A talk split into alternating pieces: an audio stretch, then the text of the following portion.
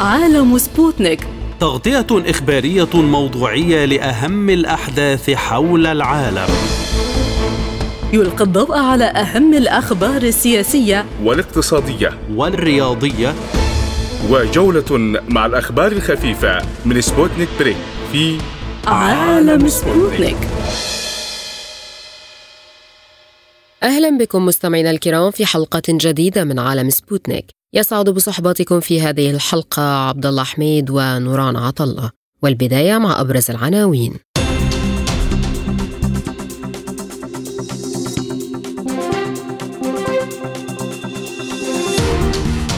استمرار القصف الإسرائيلي على غزة لليوم الحادي والعشرين رغم كل المناشدات وانسحاب بعد توغل بري محدود. مع انهيار القطاع الصحي الأمم المتحدة تكثف دعواتها لتوفير الوقود في غزة وإسرائيل ترفض.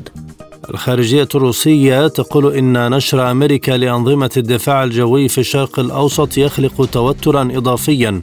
وحماس تشيد بموقف الرئيس بوتين والجهود الدبلوماسية الروسية مع وصول وفد الحركة إلى موسكو. في بيان جديد تسع دول عربية تؤكد رفض محاولات تصفية القضية الفلسطينية. إلى التفاصيل. أعلن الجيش الإسرائيلي أن قواته البرية نفذت خلال الليل عملية محددة الهدف في وسط قطاع غزة بدعم من طائرات مقاتلة ومسيرات على أهداف لحركة حماس. وأفاد الجيش في بيان أن الجنود خرجوا بعد ذلك من القطاع بدون تكبد إصابات. وبموازاة هذه العملية البرية جرى قصف أهداف لحماس في وسط القطاع وعلى امتداده بحسب البيان. وجاء في البيان أنه تم تدمير منصات لإطلاق الصواريخ ومراكز قيادة لحماس كما تم قتل عدد من عناصر الحركة. في سياق متصل أعلن الجيش الإسرائيلي سقوط طائرة مسيرة تابعة لقواته الجوية في قطاع غزة خلال قيامها بعملية مخابراتية داخل القطاع. وذكرت إذاعة الجيش الإسرائيلي أن طائرة مسيرة إسرائيلية سقطت في حي الزيتون بقطاع غزة أثناء قيامها في مهمة عملياتية وأنه لا توجد أي مخاوف من تسرب معلومات من الطائرة. بينما قالت وكالة الأنباء الفلسطينية إن عشرة مواطنين بينهم صحفي قتلوا وأصيب عدد آخر بجروح مختلفة إثر قصف إسرائيلي على منازل في محافظة خان يونس جنوبي القطاع. وذكر المكتب الإعلامي الحكومي في غزة في آخر إحصائية له حول العدوان الإسرائيلي المستمر على القطاع أن عدد الشهداء جراء العدوان المستمر على غزة بلغ 7028 شهيدا و18484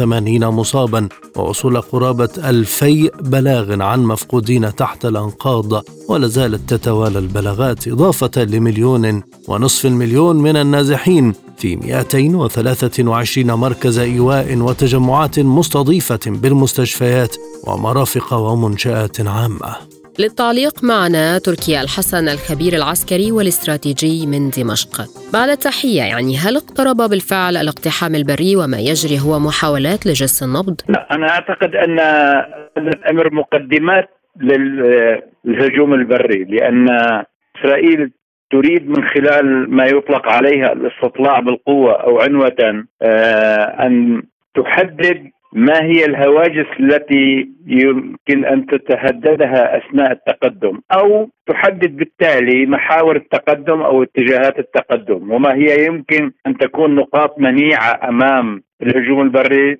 ومن أجل التعامل معها. وبالتالي هذا الاستطلاع قد يتكرر يعني قد يجري في أكثر من منطقة. وهذا يدلل على أن بنك المعلومات لدى العدو الإسرائيلي وحتى الخطط التي المحضرة هي غير جاهزة وبالتالي هي هناك نقص في المعلومات آه، يريد الجيش الإسرائيلي أن يصل إلى نتائج أو أن يحسم هذه المعطيات أو المعلومات. وهي كما قال لهم الأمريكيون أن الجيش الإسرائيلي من خلال الحوارات التي تجري في غرفة العمليات المشتركة الأمريكية الإسرائيلية آه، الجيش الإسرائيلي غير جاهز حتى الآن وبالتالي يحتاج إلى بعض الوقت، نحن اليوم في اليوم ال 21 للحرب والعملية الجوية حتى الآن مضى عليها أيضا 21 يوم، لا توجد عملية جوية يعني كجيش إسرائيلي أو بمستوى الجيش الإسرائيلي يمكن أن تستمر أكثر من ذلك، يعني هذا الأمر دليل على أن الجيش غير جاهز للعملية البرية، وأعتقد أن الجيش الإسرائيلي غير جاهز لأنه منذ عام 2006 والقيادة الإسرائيلية تحاول استعادة الصورة للجيش الإسرائيلي ولكنه فشل لأنه فشل في عام 2006 والمناورة البرية للقوات الإسرائيلية منذ عام 2006 رغم تعاقب خمس رؤساء أركان وكل واحد من هؤلاء كان يحاول أن يوجد خطط جديدة لم يستطيعوا حل المشكلة بالنسبة للقوات البرية، أما من حيث الطيران معلوم أن إسرائيل لديها إمكانية كبيرة من حيث الطيران. وهو ذراع إسرائيل القوية الآن وينفذ في مختلف المعارك التي جرت سواء كان على لبنان أو على غزة أو حتى ما يضرب يقوم بضربه في الداخل السوري أن إسرائيل لديها هذه الإمكانية، أما الأرض وتحرير غزة أو دخول عفوا آه، مهاجمة غزة، بالتالي هذا الأمر يحتاج إلى قوى برية، والقوى البرية غير جاهزة لأن المشكلة في إسرائيل أن البقرة المقدسة قد سقطت. بمعنى آخر أن الجيش هو كان عبارة عن البقرة المقدسة لإسرائيل وهذه النمطية في المجتمع الإسرائيلي قد سقطت وبالتالي ما تبحث عنه الأسر الإسرائيلية المحافظة على أبنائها وكا وغالبا ما يرددون يعني في المجتمع الإسرائيلي لتبقى حيا يا بني. أي بمعنى آخر لا تذهب إلى الحرب بما أو فر من الحرب. يعني الجنود يفرون أو يت... لا يلتحقون وحتى الآن لا ي... لا ي... يعني غير معلوم كم التحق من الاحتياط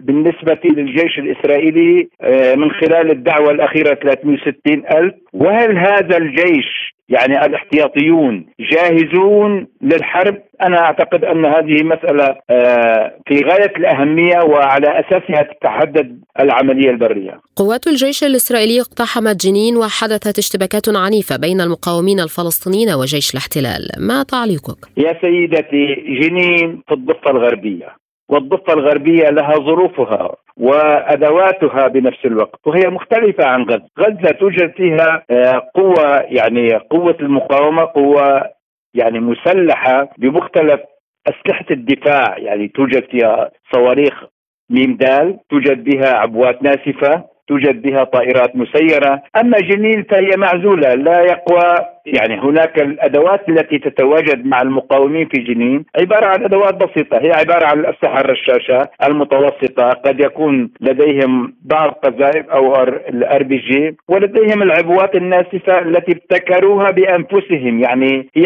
صناعتهم في الميدان. وبالتالي آه، غالبا ما يتم يعني اقتحام المخيمات في الضفة الغربية وحتى المدن الفلسطينية في الضفة الغربية من قبل قوات الجيش الإسرائيلي لأن المعركة غير متكافئة. يعني عندما يزاج تقريبا في مخيم جنين في العام الحالي عندما جرت معركة جنين تم زج ثلاثة آلاف جندي إسرائيلي مع المسيرات وطيران الحوامات والجرافات والعربات المدرعة والدبابات. مقابل جندي لا يحمل شيء إلا البارودة أو الرشاشات المتوسطة والعبوات الناسفة. فمن الطبيعي أن أن يستطيع الجيش الإسرائيلي أن يدخل إلى جنين ورغم ذلك هو يدفع خسائر لأن هؤلاء بأدواتهم البسيطة بما يمتلكوه يمتلكونه من وسائل يعني من صناعتهم وابتكروه من خلال الصراع الذي يجري في الضفة الغربية يقومون بهذه الأعمال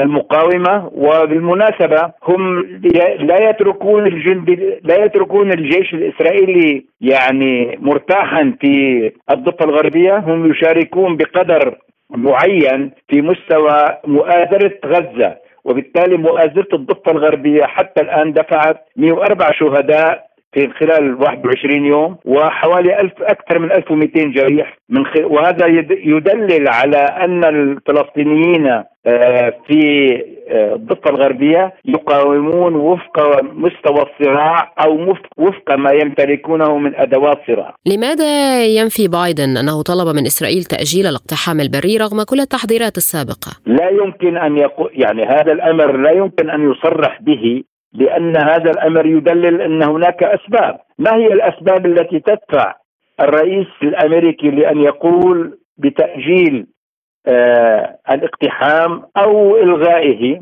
اذا هناك أسباب متعددة. السبب الأول في تقديري هو من خلال الحوارات التي اشترك بها وتقدم له قيادات الأمريكية العسكرية تقدم له مستوى تأهيل الجيش الإسرائيلي وجاهزيته لدخول الحرب وبالتالي هو يخاف أن إسرائيل إن دخلت هذه الحرب ستتعرض إلى آه، خسائر كبيرة وبالتالي هو ينصح ولا يقول بالتأجيل هذا أولا. ثانيا هذا يدلل على انخراط الرئيس الأمريكي في هذا الصراع. ماذا يعني أن يشترك الرئيس الأمريكي في اجتماع حكومة الحرب الإسرائيلية ويتشاور معهم لساعات وقبله آه، وزير الخارجية لمرتين ويتشاور معه لساعات ويتخذون قرارات. وقبل ذلك أن يرسل ضباط من قيادة القيادات العسكرية الأمريكية ليتشاطروا على طاولة واحدة في غرف العمليات يقودون العمليات في غزة وفي مختلف المناطق.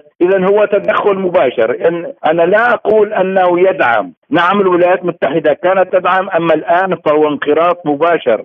ماذا يعني أن تأتي بالجنرال جيمس جيلين المشهور بأنه آه، من آه، آه، الضباط الأمريكيين الذين قاموا باشتراك في محاربة داعش مع أن الظروف مختلفة يعني الخبرة التي آه، يعني يكتنزها أو التي لديه لا تختلف كليا عن ما هو في غزة. هو قد قاتل في العراق صحيح والظروف مختلفة وهو من حيث المبدأ لم يقاتل بالقوات الأمريكية هو قاتل من حيث المبدأ بالطيران ولكن كان يقدم الخبرة للجيش العراقي وبنفس الوقت الحشد الشعبي والشرطة العراقية وخاصة أهم معركة هي معركة نينوى أو الموصل. وغزة تختلف مئة في المئة عن الموصل لأن داعش كانت بأعدادها هي أقل من حيث المبدأ أعداد التي تتواجد. صحيح هي مسيطرة صحيح كانت مسيطرة على الموصل ولكنها من حيث الأعداد هي أقل.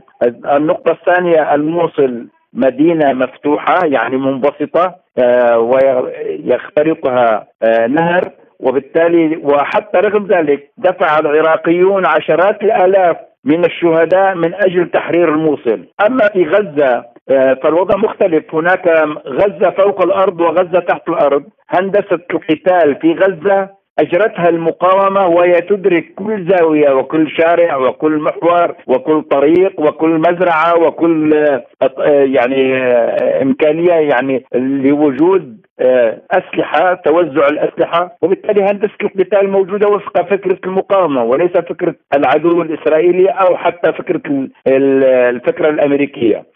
الآن يعني عندما نقول أن غزة خاضت ست معارك قبل هذه المعركة وكانت كلها هي مستعدة وكانت بنفس الوقت تقوم بقتال الإسرائيليين والآن قبل أن تبدأ المبادرة الهجومية في 7 أكتوبر آه، كانت آه، غزة جاهزة للدفاع بشكل كامل والإسرائيلي يعلم ذلك.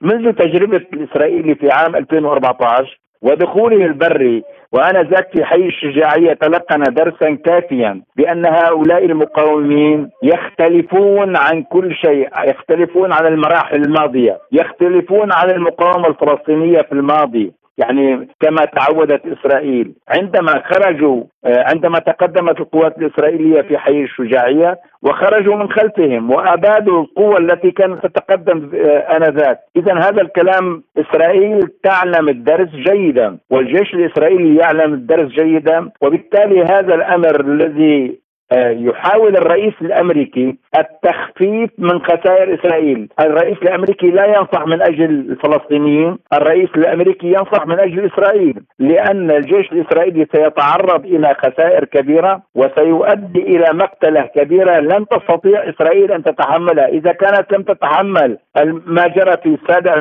من الشهر الحالي.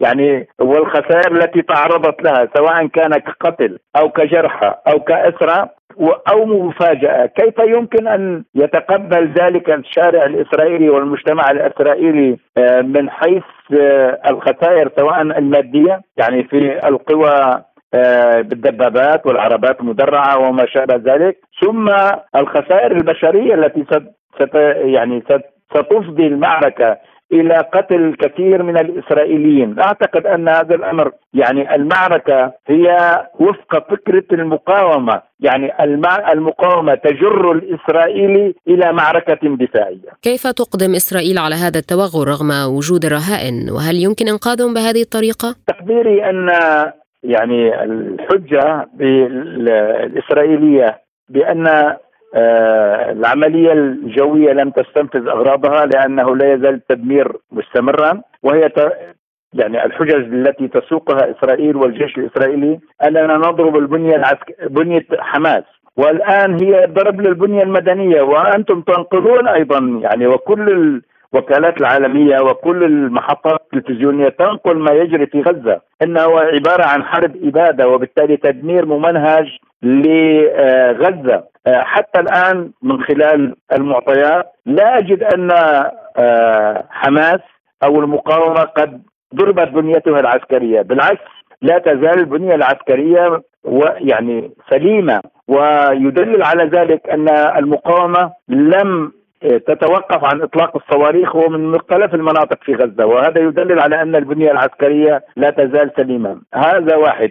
ثانيا أن القاده قادة المقاومة لم يتم حتى الآن الإعلان عن تصفية شخص مهم. كل ما أعلن أعلن عن تصفية آه، شخص واحد كان يعني في القطاع الأوسط من قطاع غزة وهي عبارة عن أيمن نوفل آه، الشخص المقا... آه، في المقاومة أيمن نوفل وهذا أدى إلى لم يؤدي إلى تغيير في الميدان.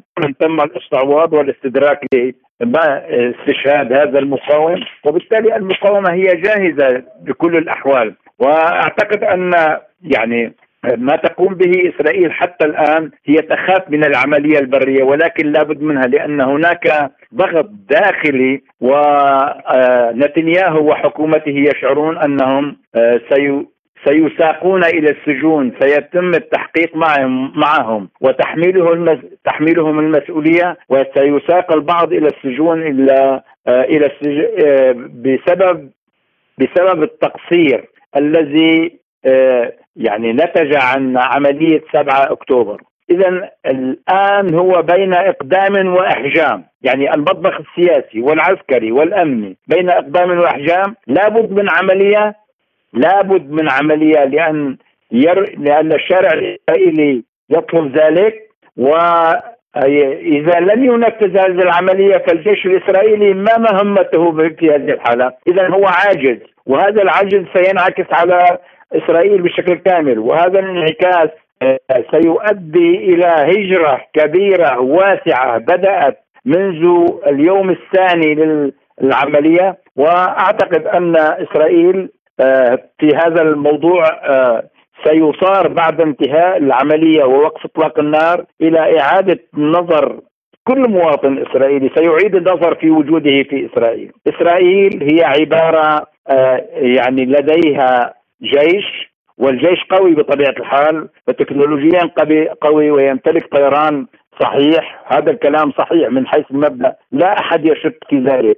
ولكن هذا الجيش الذي يعجز عن حماية إسرائيل يبطل مفعوله وبالتالي الإسرائيليين لا يمكن أن يساوموا على حياتهم من أجل أن يرضى نتنياهو أو غيره ولمزيد من التعليق معنا المحلل الإسرائيلي يحنان تسوريف من تل أبيب بعد التحية هل اقترب بالفعل الاقتحام البري؟ شوفي أنا ليس لدي أي علم بالنسبة للتوقيت الدخول الإسرائيلي ولكن المفهوم من خلال كل تصريحات المسؤولين في جهاز الأمن الإسرائيلي والحكومة الإسرائيلية. المفهوم إنه لا يوجد أي تردد بالنسبة للدخول الإسرائيلي البري داخل قطاع غزة لأن الوضع الآن يختلف تماما بمقارنة لكل المواجهات التي كانت في الماضي.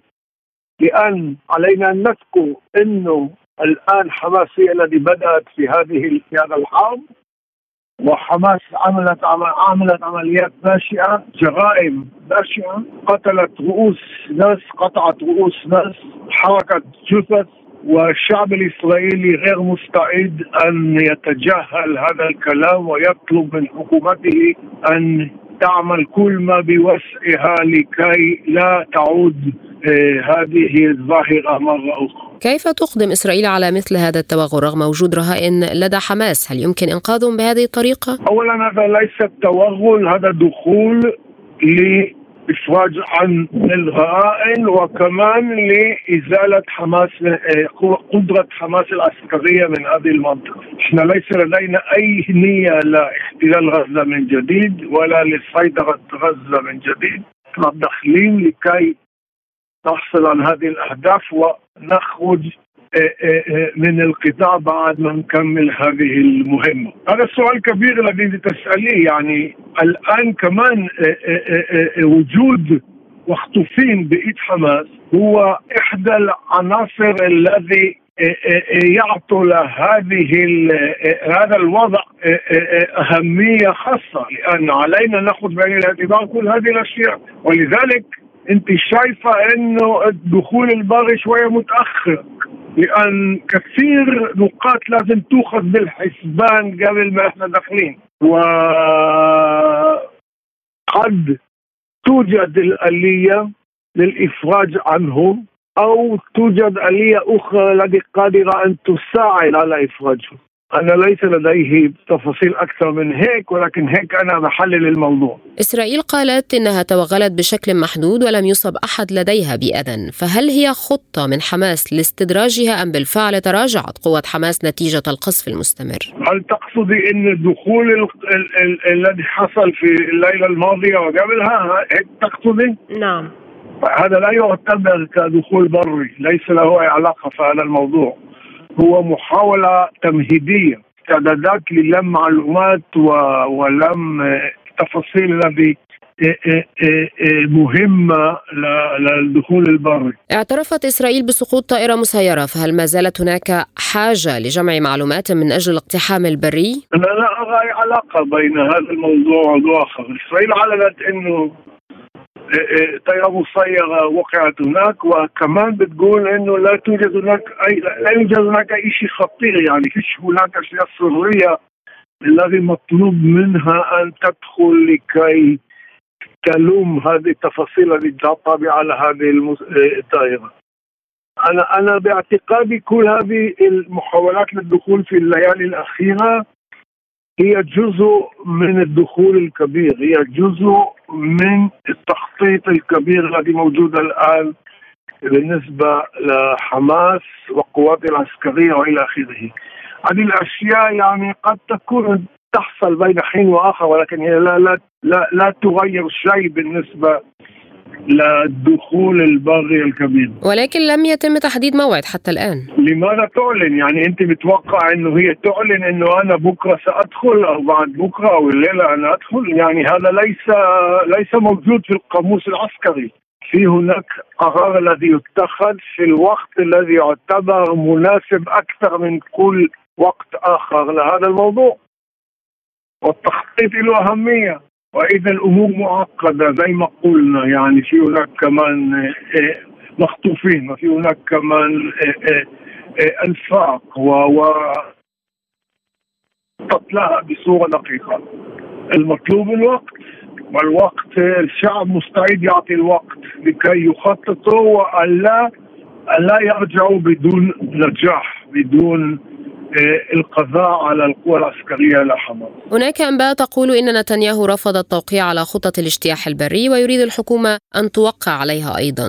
يبدو أن هناك تخوف، ما صحة هذا الخبر؟ طيب اولا أنا مش عارف من وين هذا المصدر، أنا لم أسمع هذا الكلام وإذا لم أسمع بالنسبة لي هو غير قائم وهذا نقطة هذا نقطة أولى، النقطة الثانية الخوف هو جزء لا يتجزأ من الحرب، إذا في هناك جيوش غير خايفة من الحرب يعني معناته هي ليس إنسانية. أنا باعتقادي الخوف هو جزء من التخطيط وجزء من التنفيذ وهو كمان جزء من الانتصار. الشرط الرئيسي هو إنه أنت تعرف إنه في خوف وأنت تعرف كيف تتغلب عن هذا الخوف. لذلك كل هذه المحاولات من جانب الأجهزة الإعلام العربية التي تحاول دائما أن تظهر أمام الجماهير العربية أو تلبي الشعوب العربية التي بتقول إنه اسرائيل خايفة وليس لها قدرة وإلى آخره. هذا كلام يعني شوية ليس له ليس له مضمون. يعني المهم إنه كيف أنت تتعامل مع هذه العناصر التي موجودة؟ وهل انت بدك تتكلم باللغة آه، آه، آه، الذي تتجاهل من هذا الموضوع لكي تغطي على على مشاكل داخلية التي موجودة عندك، أنا أنا بقول إنه يعني الخوف والجزء لا, لا يتجزأ. وعلينا أن نعالجه وإحنا نعالج الخوف. يعني أنت تتحدث عن تغطية وسائل الإعلام العربية لأحداث غزة ولكن هناك استهدافات يومية متكررة للمدنيين والأطفال. يعني هل هؤلاء يحملون سلاح؟ في نفس الوقت يعني لم يعمل الإعلام الغربي على إيصال الحقائق. طيب. okay شوفي أنا أنا هذا السؤال يعني يسالوني تقريبا مرتين في اليوم كل كل لقاء كل مقابله الذي أنا اشارك فيها أنا بقول هذا الكلام يعني لا لا توجد هناك اي نيه لقتل اي اي اي اي اي رجل أو امراه أو طفل بريء كل كل ابرياء بالنسبة لاسرائيل، لذلك هي تدعي الكل للخروج من المناطق التي هي تقصف مرارا وتكرارا، هذا إيش القانون الدولي يطلب منها، ولذلك هي تطلب منهم أن يخرجوا من هذه المناطق و و ويتوجهوا إلى منطقة معينة التي حددت لهذا لهذا الهدف. وطالما هم يتجاهلوا هذا هذا هذا هذا هذه الدعوة معناته انه هم ماخذين على عاتقهم المسؤولية. إحنا آه، آه، آه، ماخذين بجديه تامه القانون الدولي ولا نتجاهله ليس زي الدول العربيه التي تقتل و و و و و و و و وتعمل كل شيء لا حتى لا لا لمواطنيها إحنا ناخذ كل هذا الكلام بعين الاعتبار واملين انه عدد القتلى من المدنيين يكون أقل من أكثر أقل من اللي ممكن يعني لن يكون كبير.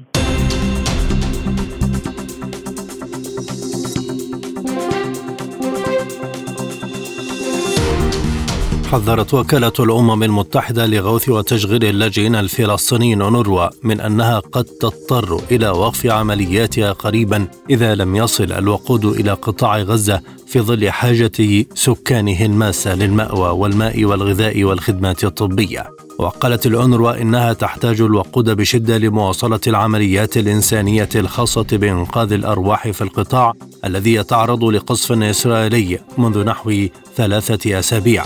وأضافت أنه إذا لم يصل الوقود ستضطر إلى تقليص عملياتها الإنسانية أو إيقافها في بعض الحالات في أرجاء قطاع غزة. ورفضت إسرائيل السماح بإدخال الوقود مع شحنات المساعدات بحجة أن حماس قد تستولي عليه.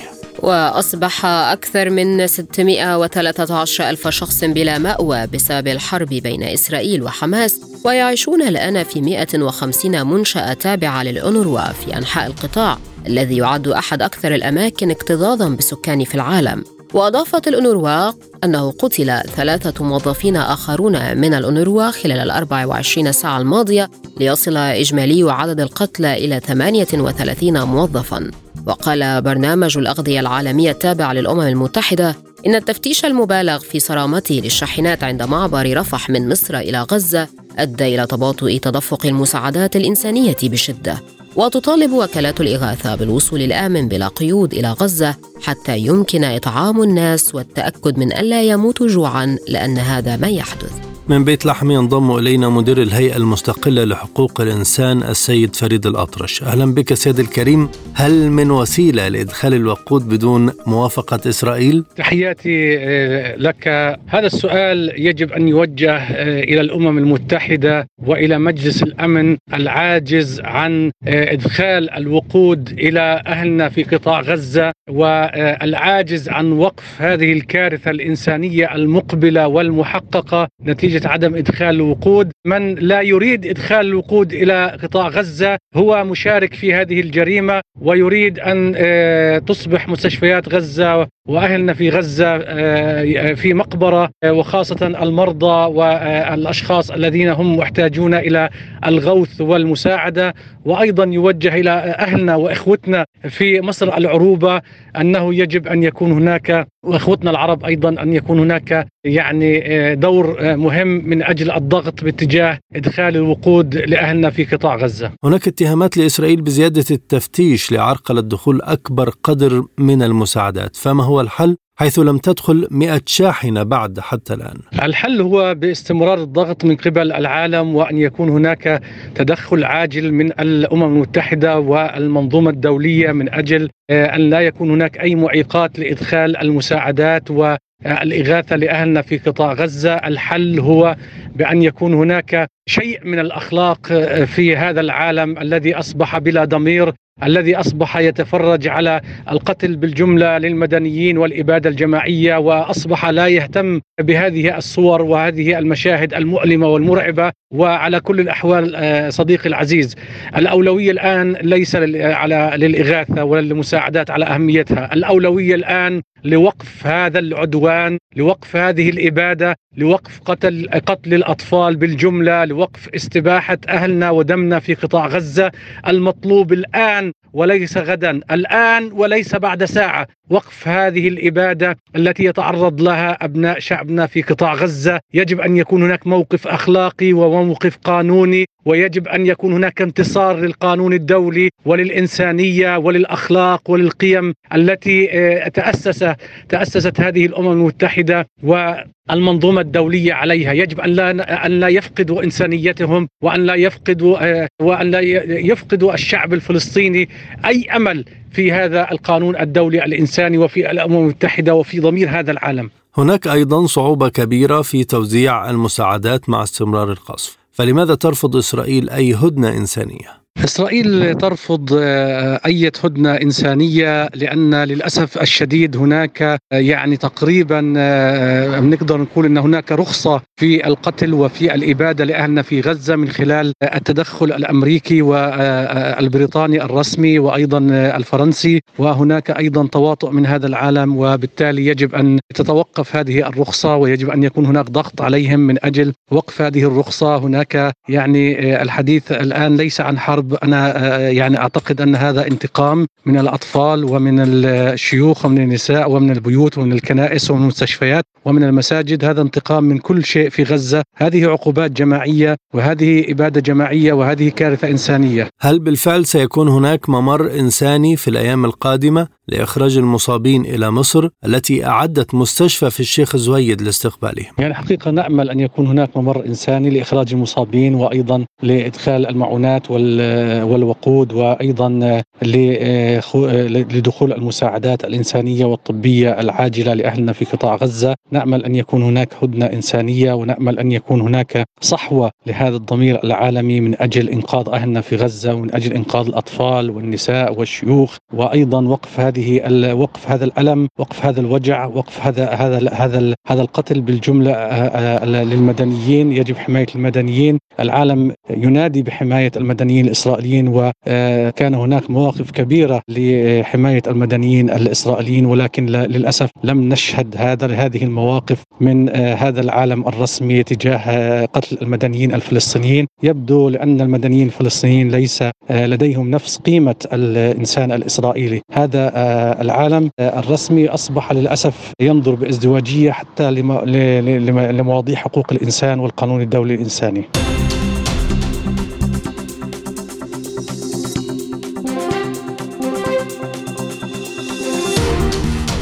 أكدت المتحدثة باسم وزارة الخارجية الروسية ماريا زخاروفا أن نشر أمريكا لأنظمة الدفاع الجوي في الشرق الأوسط يعد استفزازا ويخلق مزيدا من التوتر في المنطقة. وقالت زخاروفا إن الذي تحتاجه المنطقة هو التهدئة السريعة للصراع الفلسطيني الإسرائيلي وليس إلى استفزازات من أمريكا عبر تسليم ونشر المنظومات منظومات الدفاع الجوي.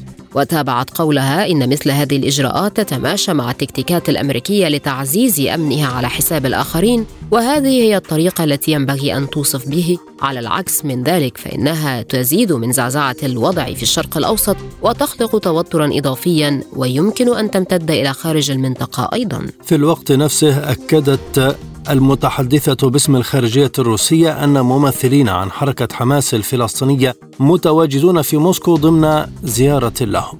ويزور وفد الحركة برئاسة عضو المكتب السياسي موسى أبو مرزوق. يزور موسكو وكان تحدث سابقا عن إجرائه اتصالات مع الجانب الروسي بشأن قضية الأسرى الإسرائيليين الذين يحملون الجنسية الروسية. الثانية من غزة ينضم إلينا عضو المكتب السياسي لحركة حماس الدكتور باسم نعيم أهلا بك سيدي الكريم كيف تقرؤون إذا زيارة وفد حركة حماس إلى موسكو وما المأمول منها؟ بالتأكيد هذه زيارة مهمة جدا وفي لحظة تاريخية أيضا مهمة وحساسة حيث يتعرض شعبنا الفلسطيني لحملة وحشية وإبادة وتطهير عرقي من قبل العدو الصهيوني مدعوم تحالف أمريكي آه، أوروبي واصطفاف غربي غير مسبوق يهدف إلى شطب القضية الفلسطينية وتمرير المخططات الصهيونية بإنهاء هذه القضية مرة وللابد وهنا يأتي التواصل مع هذه الدولة الكبرى في روسيا وقيادتها للبحث في كيفية مواجهة هذا العدوان والعمل على وقفه وأيضا الفلسطينية العادلة من آه، هذه المخططات. إضافة طبعا إلى الضغط في الاتجاه ذو البعد الإنساني المتعلق بفتح المعابر وإدخال المساعدات لإنقاذ حياة ملايين من البشر يعيشون هناك منذ أكثر من ثلاث أسابيع بدون ماء بدون كهرباء بدون غذاء ويتعرضون لأبشع الحملات العسكرية الوحشية. الولايات المتحدة تطالب بعدم توسيع الحرب وهي تساعد إسرائيل وتنشر بوارج حربية فهل ما يتاح لأمريكا لا يمكن أن يتاح للعالم كله؟ هذا ما نقوله وهذا ما نأمله أيضا نحن نعتقد أن آه، هذا الحراك العسكري الكبير من قبل هذا التحالف الغربي تقوده الولايات المتحدة الأمريكية هذا التحالف الخبيث ليس المقصود فيه فقط شطب القضية الفلسطينية وإنما المقصود فيه إعادة ترتيب المنطقة لتعود كما كانت عليه قبل 7 أكتوبر بل وأسوأ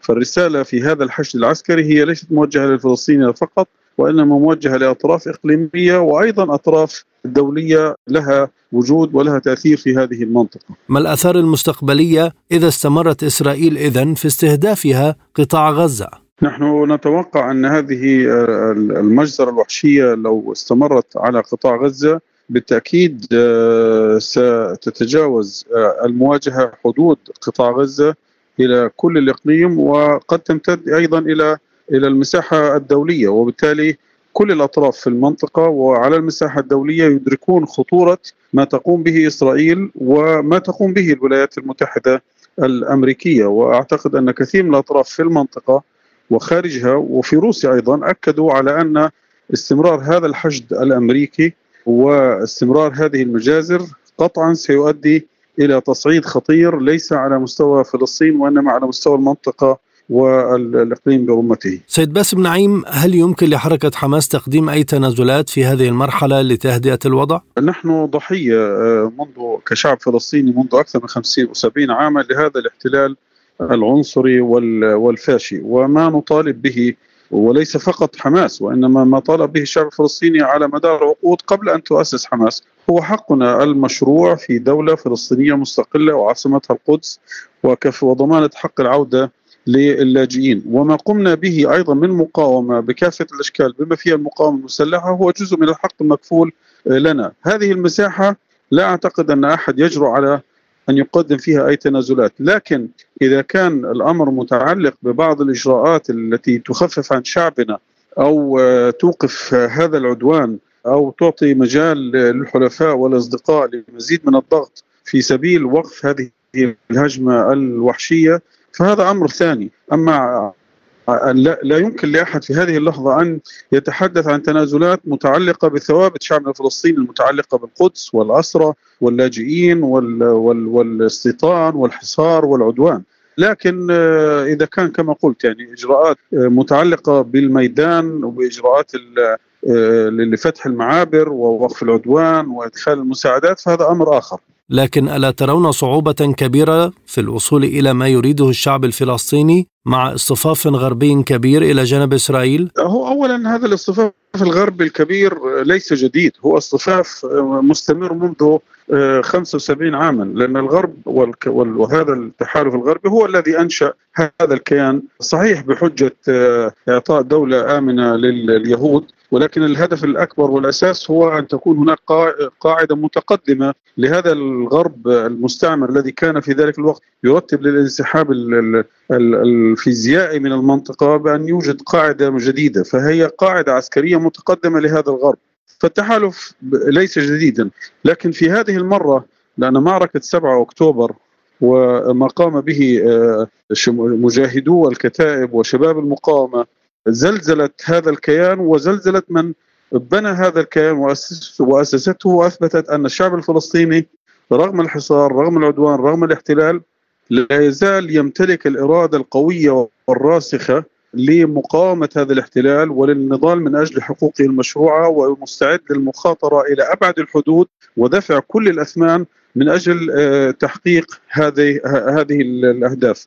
فلذلك كانت هذه الوحشية التي نراها اليوم سواء من العدو الصهيوني أو من يدعمونه.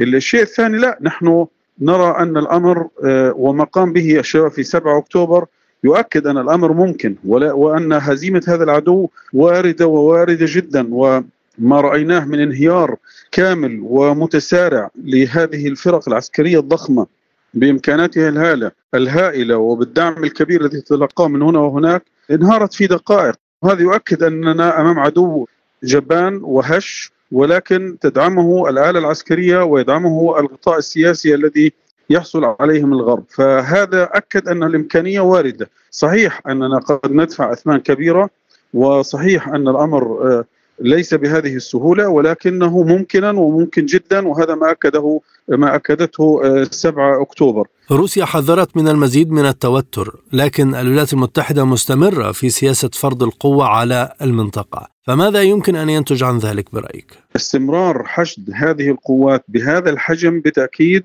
ليس المقصود منه فقط هو غزة والمقاومة في غزة أو القضاء على حركة حماس. المقصود به هو ردع بعض الأطراف في الإقليم أو رسالة لبعض الأطراف في الإقليم وخارج الإقليم بألا يتدخلوا بأي شكل من الأشكال. ولذلك نرى أن هناك جبهات كل يوم بعد يوم بتسخن أكثر وتتصاعد أكثر وكل يوم نسمع عن جبهات جديدة تلتحق بهذه المعركة. ولذلك الكل يحذر من أن هذه هذه المواجهة قد تتحول في وقت سريع يعني إلى إلى إلى حرب إقليمية وقد تتحول إلى حرب دولية إذا تجاوزت الأمور. وهذا ما عبرت عنه سواء القيادة الروسية أو ما عبر عنه الإيرانيين أو كثير من القادة العرب في المنطقة. أن الأمر سيتجاوز الفلسطينيين. هذا الحشد مع مع مع قدرته؟ كيف يمكن أن يكون لروسيا دور في إيقاف هذه الحرب مع كل التعنت الأمريكي؟ أول شيء طبعا يعني إحنا من خلال حواراتنا مع أصدقائنا الروس وأيضا مع أطراف أخرى الكل يعمل بقوة على حشد موقف سياسي إقليمي فلسطيني إقليمي دولي موحد في مواجهة هذا التحالف الخبيث.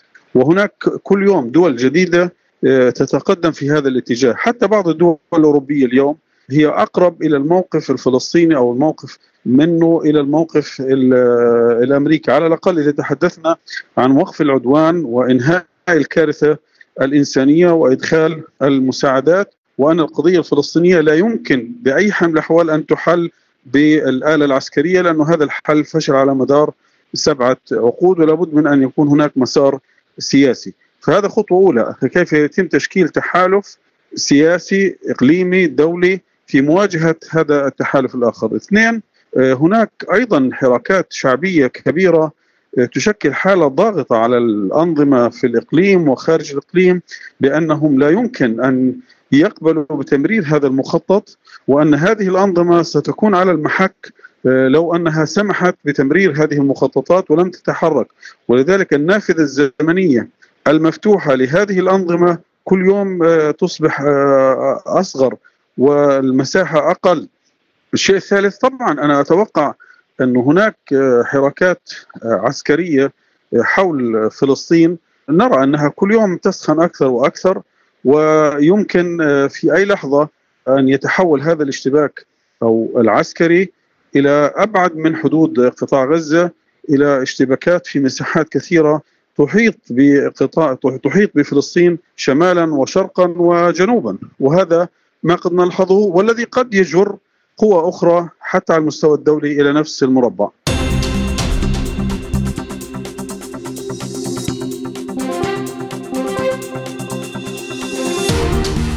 أصدرت تسع دول عربية بيانا عقب قمة القاهرة للسلام التي عقدت بمصر يوم السبت الحادي والعشرين من أكتوبر بشأن العدوان الإسرائيلي على غزة والدول التسع هي جمهورية مصر العربية، دولة الإمارات العربية المتحدة، المملكة العربية السعودية، دولة الكويت وقطر وسلطنة عمان، مملكة البحرين، المملكة الأردنية الهاشمية والمملكة المغربية. وشددت الدول العربية في بيانها على رفضها للعنف وقتل المدنيين كما أدانت في البيان محاولات إسرائيل لتهجير سكان غزة قسريا وأكدت الدول العربية التسع رفضها تصفية القضية الفلسطينية. وأكدت الدول العربية في بيانها على ضرورة الالتزام بالعمل على ضمان الاحترام الكامل لاتفاقيات جنيف لعام 1949 بما في ذلك ما يتعلق بمسؤوليات قوة الاحتلال وكذا التشديد على أن حق الدفاع عن النفس الذي كفيله ميثاق الأمم المتحدة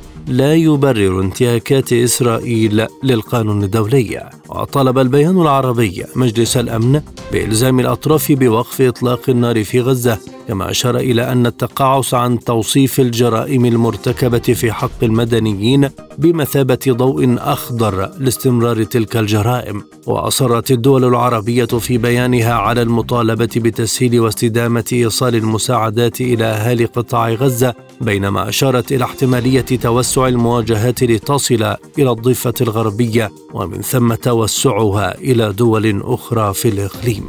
للمزيد من التفاصيل ينضم إلينا أستاذ العلوم السياسية جمال زهران من القاهرة.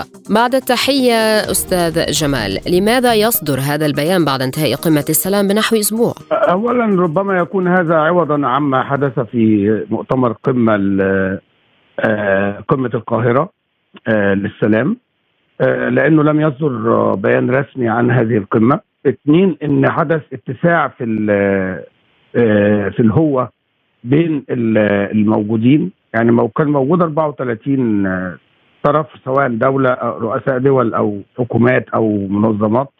يعني هم 30 تقريبا رئيس دولة وأربع منظمات الأمم المتحدة والجامعة العربية الاتحاد الأوروبي والاتحاد الأفريقي. ف وبالتالي رأت هذه الدول إن هي تحاول تغسل إيديها مما يحدث في غزة والجرائم التي ترتكبها يرتكبها الكيان الصهيوني في حق الشعب الفلسطيني إبادة جماعية. باغتيال عمدي يعني لأكثر من 7000 آه يعني شهيد في غزة حتى الآن غير إنه 20000 مصاب وإن ال 7000 دول 70% منهم أطفال 3000 طفل وأكثر ونساء و يعني عواجيز يعني في السن متقدمين في السن وده دي جريمة حرب وعليه إن هو هؤلاء المجرمون إن يقدموا إلى محاكم الجنايات الدولية وكل محاكم العالم الحر لمحاسبتهم على هذه الجرائم، هذه جرائم عمدية يعني ضرب عمدي آه ليس دفاعا عن النفس كما يقولون ويبررون على لسان بايدن وعلى لسان المجموعة الأخرى في أوروبا سواء بريطانيا، فرنسا، ألمانيا، إيطاليا وانضمت لهم كندا يعني. فهم أرادت هذه الدول التسعة إن هي تغسل إيديها، أنا رأيي إن هذا لما تشوف الدول دي هي دول مطبعة. يعني بيان اسمه بيان الدول المطبعة مع الكيان الصهيوني أكيد لدولة من هذه الدول غير مطبعة باستثناء الكويت. باستثناء الكويت. الكويت لها موقف مختلف عن مجلس التعاون الخليجي. لكن دول مجلس التعاون الخليجي ومصر والأردن والمغرب. أليست هذه دول مطبعة؟ يعني لماذا لا يدعى اجتماع مؤتمر قمة عربي؟ يصدر قرارا وليس مؤتمر قمة يحضروا أوروبا عشان يعيدوا على أذهاننا صياغات ها الاستعمارية بيذكرونا بعصر الاستعمار والهيمنة الآن نحن لسنا في صراع عربي صهيوني فحسب ولكن نحن في عصر صراع عربي استعماري بيتجدد رغم رحيله من أكثر من 70 80 سنة من بعد الحرب العالمية الثانية.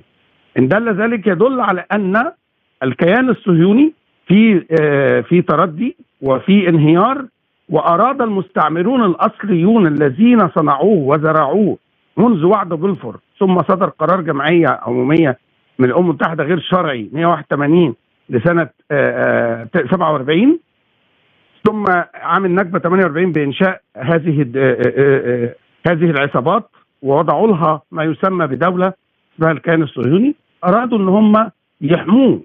يعني عندما يصدر بيان من الدول الاستعمارية بقيادة أمريكا والأكاذيب تلحقهم وبايدن يكذب ثم يرجع في كلامه البيت الأبيض وبريطانيا آه، على لسان رئيس وزرائها يعتبر إن ما تقوم به آه، الكيان الصهيوني ما يقوم به من مجازر هو دفاع عن النفس أي دفاع عن النفس المقاومة الفلسطينية تقوم بتحرير أرضها تحرير أرضها وهذا حق حق أتفق مع الشرائع السماوية وأتفق مع الشرائع الدولية وأتفق مع ميثاق الأمم المتحدة التي أقرت المقاومة من أجل تحرير الأرض. فالأرض مغتصبة الأرض مستعمرة. من حق المقاومة آه، أن تقوم بأي عمليات من أجل تحرير أرضها. يعني لما حزب الله في سنة 2000 آه، وكان الصهيوني كان موجود في جنوب لبنان وقام باستخدام القوة لطرد المستعمر. الصهيوني من جنوب لبنان. آه، وألصق بحزب الله أنه إرهابي. من الإرهاب؟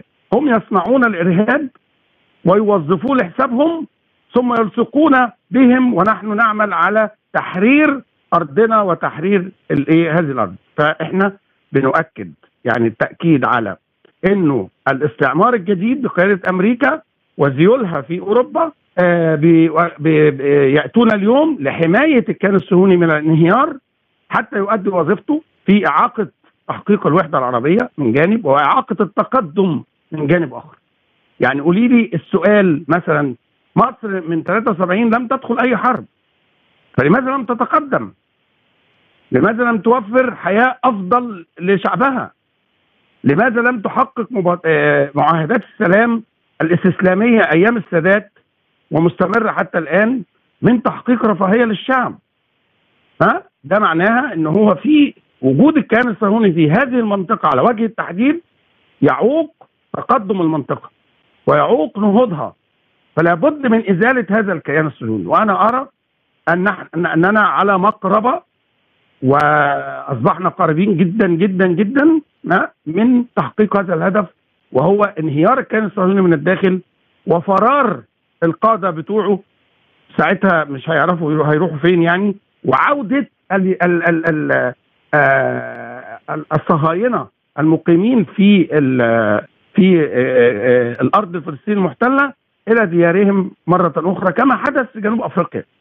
يعني لو تعرفي حضرتك اللي يدرس جنوب أفريقيا وكيف تحولت من الاقليه البيضاء التي كانت تحكم جنوب أفريقيا والأكثرية السوداء لم تكن تحكم حتى نيلسون مانديلا كان مسجون 26 سنة أو 27 سنة ها خرج من السجن ليحكم جنوب أفريقيا والأغلبية حكمت جنوب أفريقيا. هكذا سيحدث في أرض فلسطين المحتلة من عصابات الكيان الصهيوني المدعومة بكل بكل شيء بكل شيء ماديا ومعنويا و من من أمريكا ومن أوروبا الاستعمارية.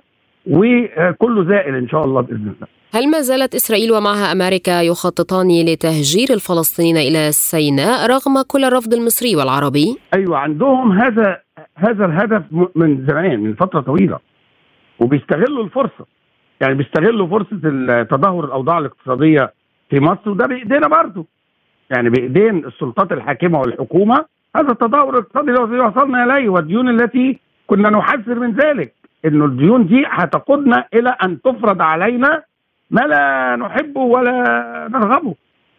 ففي محاولة لاستغلال الظروف الاقتصادية الصعبة التي تمر بها مصر لتدهور عملتها وزيادة ديونها وتدهور أوضاع المواطن المصري إلى آخره في مؤشرات كثيرة تدل على ذلك وتؤكده آه لإجبار مصر على القبول والإستسلام للفكرة الاستعمارية الصهيونية المعروضة والمسماة منذ سنوات بصفقة القرن لتصفية القضية الفلسطينية. انت تخيلي معايا انه كان السوري سيطر على غزة وطرد الف- الفلسطيني من غزة وأضاف هذه المساحة إلى مساحته. هو كده بيوسع لنفسه والفلسطينيين خرجوا وراحوا مثلا آه أي أرض أخرى. ماشي؟ مصرية أو غير مصرية. إيه النتيجة؟ إن القضية الفلسطينية فين؟ أين هي؟ الأرض. لا توجد على الأرض لأن ما فيش شعب هيقاوم من الداخل.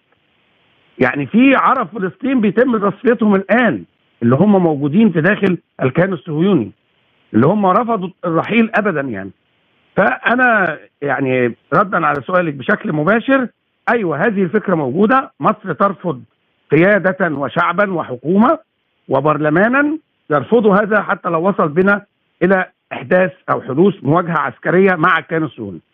لن تقبل مصر ولا شعبها بهذا الترحيل القسري للفلسطينيين من غزة نهائيا. وعد وإعادة ويرفضون أيضا إعادة توطينهم على الأرض المصرية. هذا هذا رفض هل هيقابل باستسلام من جانب الكيان الصهيوني ومن جانب الكيان الامريكي من أمريكا وكذا؟ أنا أعتقد إنه لن ينجحوا في هذا ولن يصلوا إلى مسعاهم. ولكن تظل هناك علامات استفهام كبرى من الذي شجعهم على هذه الفكرة؟ وهم يعلنون جهرا نهارا أن هناك اتفاقيات من وراء ظهر الشعوب وتحت الترابيزة و... وأموال ورشاوى بتدفع لأنظمة إلى آخره. لا, لا نعرف عنها أي شيء. لا نحن نسمع. وحتى رموز من الكيان الصهيوني يصرحوا بذلك. حتى الأمريكان يصرحوا بذلك. حتى بيتدخلوا آه بي بي بيدفعوا بدول عربية خليجية إلى الحديث في هذا الموضوع لمحاولة لقبول الصفقات. هذا مرفوض ولن يتحقق. أنا تقديري كأستاذ علوم سياسية إن هذا مشروع آه آه يعني يتسم بالخيانة العظمى ولن تسمح الشعوب بايجاده أو بترجمته على الأرض. كيف رأيت ما حدث في طابة ونويبع صباح اليوم خاصة بعد تصريحات إسرائيلية بأنه هجوم على البحر الأحمر مجهول الهوية أنا أرى أنه هذا عنوان المرحلة الصمت والتجاهل و والتنسيق. و... الكيان الصهيوني يريد أن يقول أو يوصل رساله للجميع أنا الذي أتحكم في المنطقة وأنا الذي أريد أن أضرب أي مكان أريده. في طابة في على الحدود المصرية في في معبر رفح في كذا. أنا لي يد الطولة. أنا لا أنا لا تقديري إن الكيان الصهيوني هو الذي أطلق هذه الطائرة. بس هناك محاولات للتعمية على ذلك. وده طبعا شيء مرفوض جدا يعني. أنا برفضه يعني. لكن آه في إحنا أمام بيان عسكري رسمي من الجهات المصرية متحدث رسمي قال إنه طائرة مجهولة غير معروفة المصدر. هل هذا كلام يعني مقبول أنا عن نفسي غير قابله أنا عن نفسي لا أقبله لأن مفيش حاجة اسمها في العسكرية ولا في السياسة. وأنا أستاذ علاقات دولية وأستاذ استراتيجية وعارف الكلام ده إنه مفيش حاجة اسمها مجهولة المصدر. أي طائرة بتتحرك لها مسار ويمكن معرفته وأي طائرة بمعرفة تركيبتها وتكوينها ها نعرف إن دي من أين أين صنعت ومن أين تحركت. يا سيدتي ده هناك تعمية بإنك حماس وراء هذه الطائرة. شفت يعني شفت التضليل واصل لفين في الإعلام؟ أي تضليل ذلك يعني أي تضليل وصلنا إليه يعني حماس هتضرب طبق يعني بالعقل كده. أنا أذكرك بحاجة مهمة جدا. في 2000 و آه تقريبا آه 2005 عندما اغتيل رفيق الحريري في لبنان وشفت الحدث وكان متصور. وشكله كده شكله كان مخابراتي تماما. ولا يقوم بمثل هذه الأعمال الإجرامية والإرهابية إلا الكيان الصهيوني وأمريكا مخابرات أمريكا. ال CIA والمخابرات الصهيونية. وقلت الكلام ده علانية في قناة أبو ظبي. ومن يوميها طبعا انقطعت الصلة بيني وبينهم يعني. ختام عالم سبوتنيك المزيد زور موقعنا سبوتنيك دوت اي اي إلى اللقاء.